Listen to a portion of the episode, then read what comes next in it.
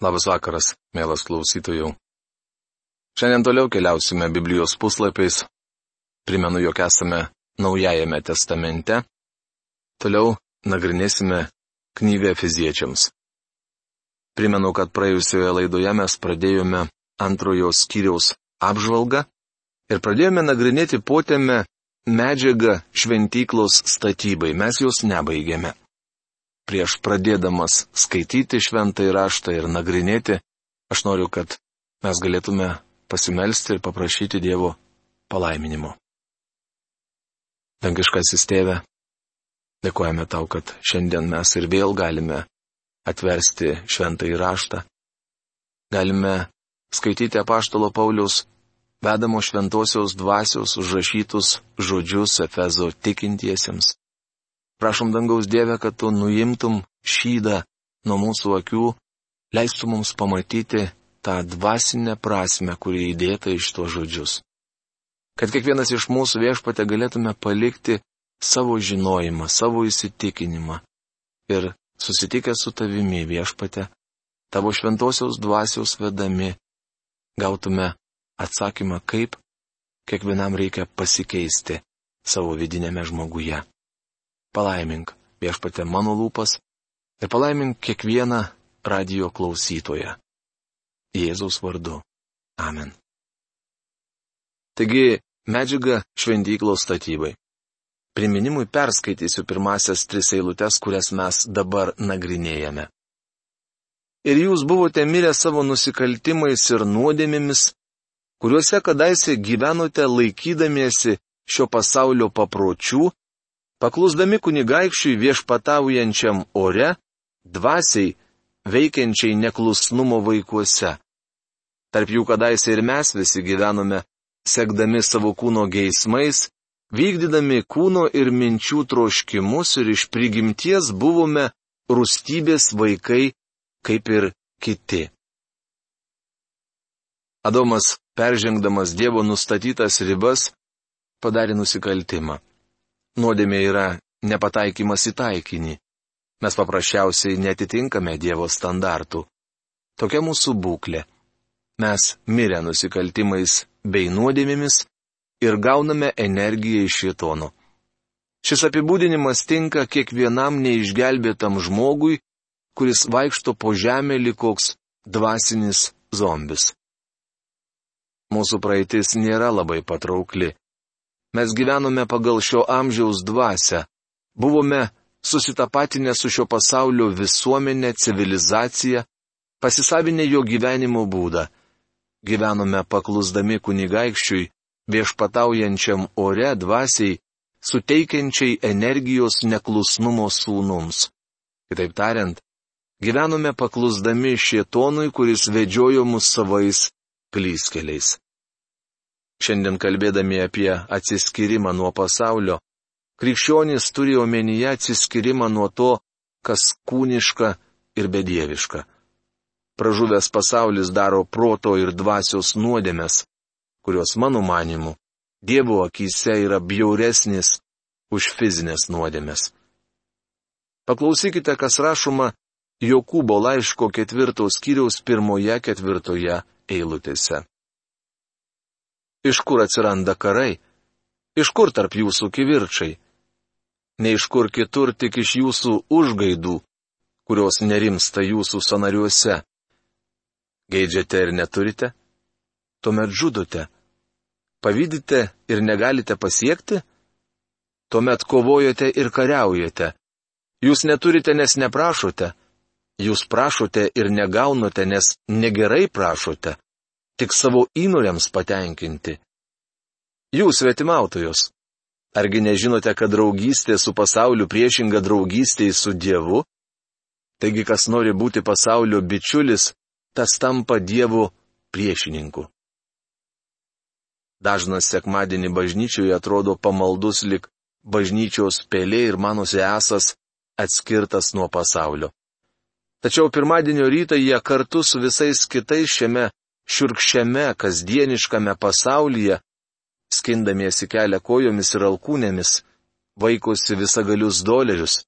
Kiekvienas nori įsigyti jų kuo daugiau, kad galėtų patenkinti savo egoistiškus įgeidžius. Štai apie ką kalba Jokūbas. Tikintysis yra išgelbėtas nuo tokios gyvensenos. Jonas sako, nemylėkite pasaulio, nei to, kas yra pasaulyje. Jei kas myli pasaulį, nėra jame tėvo meilės. Nes visa, kas pasaulyje, tai kūno geismas, akių geismas ir gyvenimo puikybė, o tai nėra iš tėvo, bet iš pasaulio. Praeina pasaulis ir jo geismai. Kas vykdo Dievo valią, tas išlieka per amžius, rašoma pirmame Jono laiške, antrame skyriuje 15-17 eilutėse. Šiandien daugelis žmonių sakosi, negyvena bjaurioje nuodėmėje. Jie tvirtina, ne aš tokių nuodėmių nedarau, nesielgiu, kaip elgesi kiti. Daktaras Campbellas Morganas klausdavo, ar norėtumėjai gyventi kaip jie? Gal jums patinka stebėti nusidedančius žmonės televizoriaus ekrane, nes tokiu būdu galite išgyventi tą patį. Man visuomet atrodė, kad sunaus palaidūno istorija daugeliui patinka dėl jos pateikimo būdo. Atkreipkite dėmesį, kad viešpats Jėzus niekada neminėjo nuodėmių, kurias svetimoje šalyje darė vyresnis sūnus. Tačiau man teko girdėti pamokslų, kuriuose buvo pasakojama apie jo apsilankimus naktiniuose klubuose, baruose ir viešuosiuose namuose, Kai kuriems šventiesiems labai patinka tokios istorijos, nes jie gali mėgautis nuodėme, netiesiogiai išgyvendami tą patį. Štai ką turėjo omenyje Jonas sakydamas - nemylėkite pasaulio. Ar mylite jį? Ką jaučiate pasauliui? Prisimenu, kaip mūdu su žmona pirmą kartą atvykome į Kaliforniją. Buvome nauja kurie iš Teksaso. Tiesą sakant, aš niekada nebuvau matęs vandens telkinio, per kurį negalėčiau permesti akmens. Vandeninas mūsų žavėjo. Važiavome iš San Diego į San Franciską. Anuome ten buvo ryškiomis šviesomis žėrinti lobių sala. Joje skambėjo švelni lyriška muzika. Tai buvo iš tiesų graži vieta. Mes puikiai praleidome dieną. Vakare sėdome į keltą ir užlipę ant denio grožėjomės stulbinančiais vaizdais. Lobių sala ėmė tolti, paskui išnyko rūkę. Tuomet tariau savo žmonai. Tai buvo viena iš maloniausių dienų mano gyvenime. Bet jei po akimirkos lobių sala nugrimstų į įlankos dugną, aš neišspauščiau ne vienos ašaros, nes viso to nemyliu. Tuomet pridūriau. Tikiuosi mano požiūris į pasaulį visuomet išliks toks bičiuli krikščioni. Ar tikrai ilgitės Kristaus ateinančio pasiimti bažnyčios? Gera apie tai kalbėti, bet norėčiau užduoti jums kelis klausimus. Ar jums nebus graudu palikti šį pasaulį dėl to, kad esate prie jo pernelyg prisirišęs? Gal jūs labai prisirišęs prie savo darbo ar verslo, namų, kokio nors klubo ar pasaulietiškos bažnyčios? Gal nenorėsite iškeliauti žinodami, kad viskas pasikeis? Štai kaip pražuvus į pasaulį apibūdino paštalas Petras. Palikę tiesos kelią, jie nuklydo ir pasuko keliu Bosoro sūnaus Balaamo, kuris pamilo nedorybės atpildą, tačiau buvo subartas dėl savo nusižengimo. Darbinis, nebylys gyvulys prabilo žmogaus balsu ir sutrukdė pranašo beprotystę rašoma antrame Petro laiške, antrame skyriuje 15-16 eilutėse.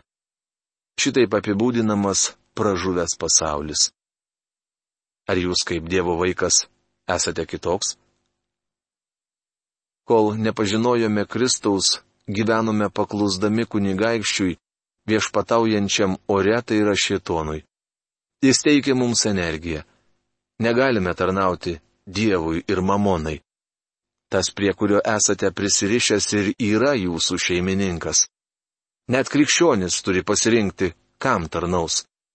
Kai kurie mano, kad tarnauti Dievui reiškia susilaikyti nuo pasaulietiškų pasilinksminimų, nesirenkti kaip priimta pasaulyje ir nebendrauti su liberalios teologijos šalininkais. Tai nėra atsiskirimas, nors šiandien dažniausiai kalbama būtent apie šiuos dalykus. Absurdiška kalbėti apie tai, kai jūsų paties gyvenimas kupinas bjaurių nuodėmių - kartėlio, neapykantos ir savanaudiškumo. Tarp jų kadaise ir mes gyvenome, sekdami savo kūno geismais. Atkreipkite dėmesį, kad Paulius vartoja įvardžio mes daugiskaitą. Apaštalas susitapatina su mine. Ta patį turėtume daryti ir mes. Išplėstinis šios eilutės vertimas skambėtų taip.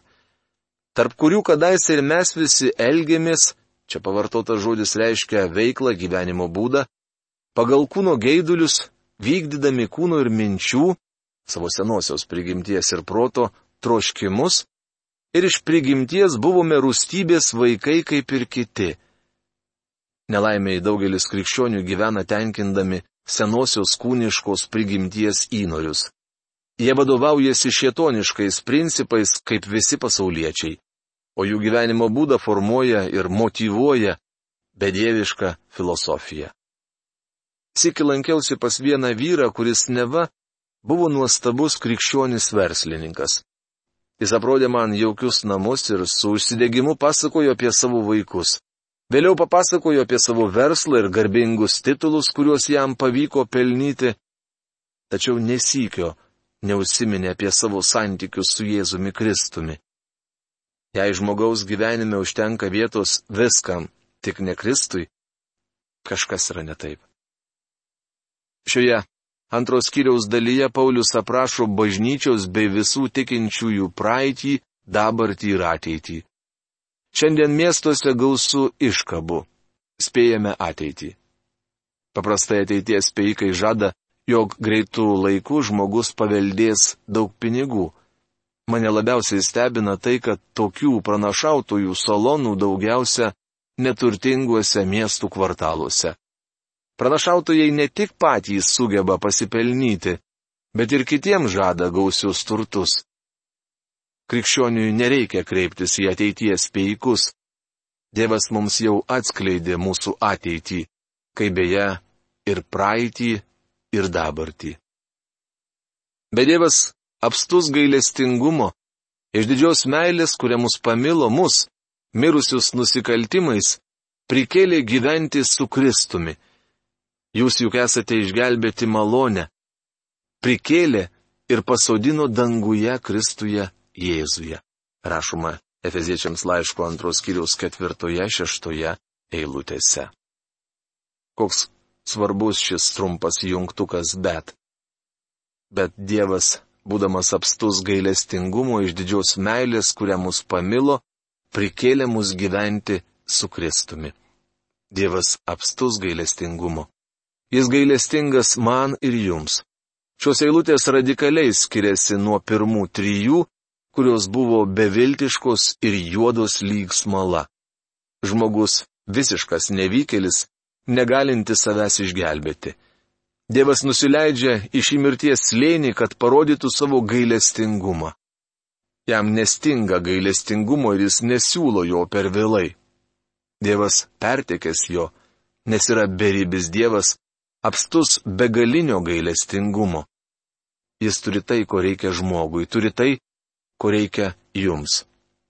Vienintelė sąlyga - jūs privalote juo tikėti. Kartą neturtinga moteris iš Londono lušnino buvo pakviesta pailsėti prie vandenino. Ji niekuomet anksčiau nebuvo mačiusi vandenino, tad išvykusi jį apsipylė ašromis. Kartu atostogaujantiems žmonėms pasirodė keista, kad tokioje nuostabioje kelionėje moteris verkia. Tad jie pasiteiravo. Kogi jūs verkiat? Rodydama pirštų į vandeniną, jie atsakė, aš pirmą kartą matau tai, ko yra pakankamai. Bičiuli, Dievas turi vandeninus gailestingumo. Jo yra pakankamai. Dievas išgelbstimus savo malonę. Ką reiškia būti išgelbėtam Dievo malonę? Mes buvome mirę nusikaltimais ir nuodėmėmis, visiškai nepajėgus save išgelbėti. Tačiau pasirodė Dievas ir ištiesi savo malonės ranką. Kodėl jis tai padarė? Ieškodami atsakymo į šį klausimą, prisiminkime Izraelio istoriją. Dievas atėjo išvaduoti Izraelio ne todėl, kad ši tauta buvo gera, graži ar uoliai jam tarnavo. Priešingai, izraelitai buvo kietas prandė tauta, bet to jie buvo stabmeldžiai. Dikumoje garbino auksų veršį. Tačiau Dievas sako, jog išgirdo jų verksmą. Kodėl jį tai palėtė izraelitų dėjonės? Todėl, kad Dievas mylėjo juos, kaip myli jūs ir mane. Tačiau Dievas išgelbsti mus ne savo meilę, bet savo malonę. Daugelį metų vedžiau Biblijos pamokas San Diego apygardoje. Tuo laikotarpiu krikščioniško jaunimo grupės darbuodavosi paplūdimiuose Ir taip nemažai jaunų žmonių atvedė pas Kristų. Kai kurie jaunuoliai priklausė grupiai, kurią mes vadinome hipiais. Tačiau netrukus įsitikinau, jog dauguma iš jų buvo nuoširdus tikintieji. Aš daugiau nebevertinu žmogaus pagal jo apsirengimą, kaip nevertinu knygos pagal jos viršelį. Tie jaunuoliai klausėsi mūsų radio programų bei garso kasečių ir skaitė mūsų išleistas knygas. Tačiau anuomet aš to nežinojau. Kai pirmą kartą atėjau vesti Biblijos pamokos, pirmose dviejose eilėse sėdėjo grupė keistai apsirėdžiusių, ilgaplaukių jaunų žmonių. Atvirai pasakius, pradžioje buvau gana stipriai šokiruotas, tačiau pastebėjau, kad jie turėjo Biblijas bei užrašų knygutes ir alsavo dvasinę gyvybę, ko labai trūksta kai kuriuose šiandieninėse bažnyčiose. Siki prie manęs priejo vienas Biblijos pamokų lankytojas. Jis dėvėjo juokingą kepuraitę, išmargintą žodžiais meilė. Tokie pat užrašai puikavosi ant jo juokingo apsausto, kelnių ir net batų. Aš paklausiau to vaikino, kodėl visi tavo drabužiai aprašinėti žodžiu meilė, jis atsakė, žmogau, juk Dievas yra meilė. Sutinku, tariau jam, tai grina tiesa. Tuomet vaikinas pridūrė Dievas išgelbsti mūsų savo meilę. O su tuo tai jau nesutinku, paprieštaravau. Dievas neišgelbsti mūsų savo meilę. Ar gali pacituoti eilutę, kuri patvirtintų tavo žodžius? Vaikinukas pasikasė pakaušį ir kurį laiką pagalvojęs, pripažino, jog tokios eilutės neprisimena. Gerai, jei Dievas neišgelbsti mūsų savo meilę, tai kaip tada išgelbsti? Galiausiai pasiteiravo mano pašnekovas. Džiaugiuosi, kad to paklausai, atsakiau jam. Mat Biblijoje pasakyta, jūs esate išgelbėti malonę per tikėjimą ir tai ne iš jūsų. Tai Dievo dovana ir ne dėl darbų, kad kas nors nesigirtų. Dievas išgelbsti mūsų savo malonę. Tuomet jaunuolis panoro sužinoti, koksgi skirtumas tarp išgelbėjimo meilė ir malonė. Aš jam paaiškinau. Dievas myli tave. Gerai, kad tai žinai. Jis myli mus visus. Tačiau dėl to Dievas negali atidaryti atsarginio įėjimo į dangų ir leisti mums patiliukais ten įsliūkinti. Vien meilės nepakanka, kad jis galėtų atidaryti dangaus vartus, juk Dievas dar yra šviesa, jis šios visatos valdovas. Dievas yra teisus, šventas ir geras. Vadinasi, jis negali elgtis neteisingai, daryti tai, kas netitinka jo standartų. Taigi jis negalėjo išgelbėti mūsų meilę. Galima sakyti, kad meilė surišo Dievui rankas. Jis mylėjo, bet negalėjo išgelbėti. Maniau, pacituosi man Evangelijos pagal Joną 3 skyriaus 16 eilutę. Joje sakoma. Dievas tai pamilo pasaulį, jog atidavė savo viengimį sūnų, kad kiekvienas, kuris jį tiki, nepražūtų bet turėtų amžinai gyvenimą. Ar čia sakoma, kad Dievas taip pamilo pasaulį, kad jį išgelbėjo? Ne, taip nepasakyta. Dievas taip pamilo pasaulį, jog atidavė savo viengimi sūnų. Matai, Dievas negalėjo išgelbėti pasaulio meilę, nes jis toliau sako, kad kiekvienas, kuris jį tiki, nepražūtų. Mes su tavim pražūsime. Esame pražuvę nusidėjėliai. Nors Dievas mus myli ir tokius, negali mūsų atvesti į dangų. Jis turėjo parūpinti išgelbėjimą, tad prisėmė bausmę už mūsų nuodėmes. Dabar mylintis Dievas gali ištiesti savo rankas į pražuvusį pasaulį ir tarti, jei patikėsite mano sunumi, kuris numirė už jūs, jei ateisite tikėdami jo auka, aš jūs išgelbėsiu. Dievas neišgelbsti mūsų savo meilę, jis gelbsti mus savo malonę. Iš tikrųjų tai dar nuostabiau. Vaikystėje iškrėtęs kokią nors šunybę užsitraukdavau tėvų nemalonę tačiau Dievas visuomet maloningas man. Galiu prarasti bendravimą su juo, mat nuodėmė nutraukia bendrystę. Bet niekuomet nepraras jo malonės. Galiu nuliūdinti šventąją dvasę, tačiau visuomet yra galimybė grįžti pas jį. Jeigu išpažįstame savo nuodėmės, jis ištikimas ir teisingas, kad atleistų mums nuodėmės ir apvalytų mus nuo visų nedorybių, rašoma pirmame Jono laiške, pirmame skyriuje devintoje eilutėje. Jei sakome, kad bendraujame su juo, o vaikščiojame tamsoje, meluojame. O jei vaikščiojame šviesoje, kaip ir jis yra šviesoje, mes bendraujame vieni su kitais ir jo sunaus Jėzaus kraujas apvalo mus nuo visų nuodėmių. Rašoma pirmame Jono laiške, pirmame skyriuje, septintoje eilutėje. Jei aš įsigilinu į Dievo žodį ir matau, kad daug kur elgiuosi netinkamai, Dievo Sūnaus Jėzaus Kristaus kraujas apvalo mane nuo visų nuodėmių. Kodėl? Dėl Dievo malonės. Jis apstus malonės ir gailestingumo. Dievas laiko ištiesęs rankas į pražuvusį pasaulį ir sako, galite ateiti, jei eisite mano nurodytų keliu. Leiskite priminti jums, jog tai Dievo visata ir jis tvarkosi joje kaip nori. Galbūt jums atrodo, jog žinote geresnį būdą, bet bėda ta, kad neturite visatos, kurią galėtumėt valdyti. Dievas nustato taisyklės savo visatoje, todėl jums reikia ateiti pas jį jo nustatytų būdų. Dievas myli jūs. Negalite jam uždrausti jūs mylėti lygiai kaip neturite galios uždrausti saulė išviesti. Tačiau galite pasislėpti nuo jo šviesos. Žmogus nepatiria Dievo meilės, jei daro nuodėmės nevykdo jo valios ar atsuka jam nugarą. Jei eisite pas Dievą per Kristų, jis išgelbės jūs ir jūs patirsite Dievo meilę. Dievas apstus gailestingumu. Jis pakėlė mus iš dvasinių kapinių. Dabartinė mūsų padėtis apibūdinama taip. Mus prikėlė gyventi su Kristumi, prikėlė ir pasodino danguje Kristuje Jėzuje. Kas mūsų laukia ateityje?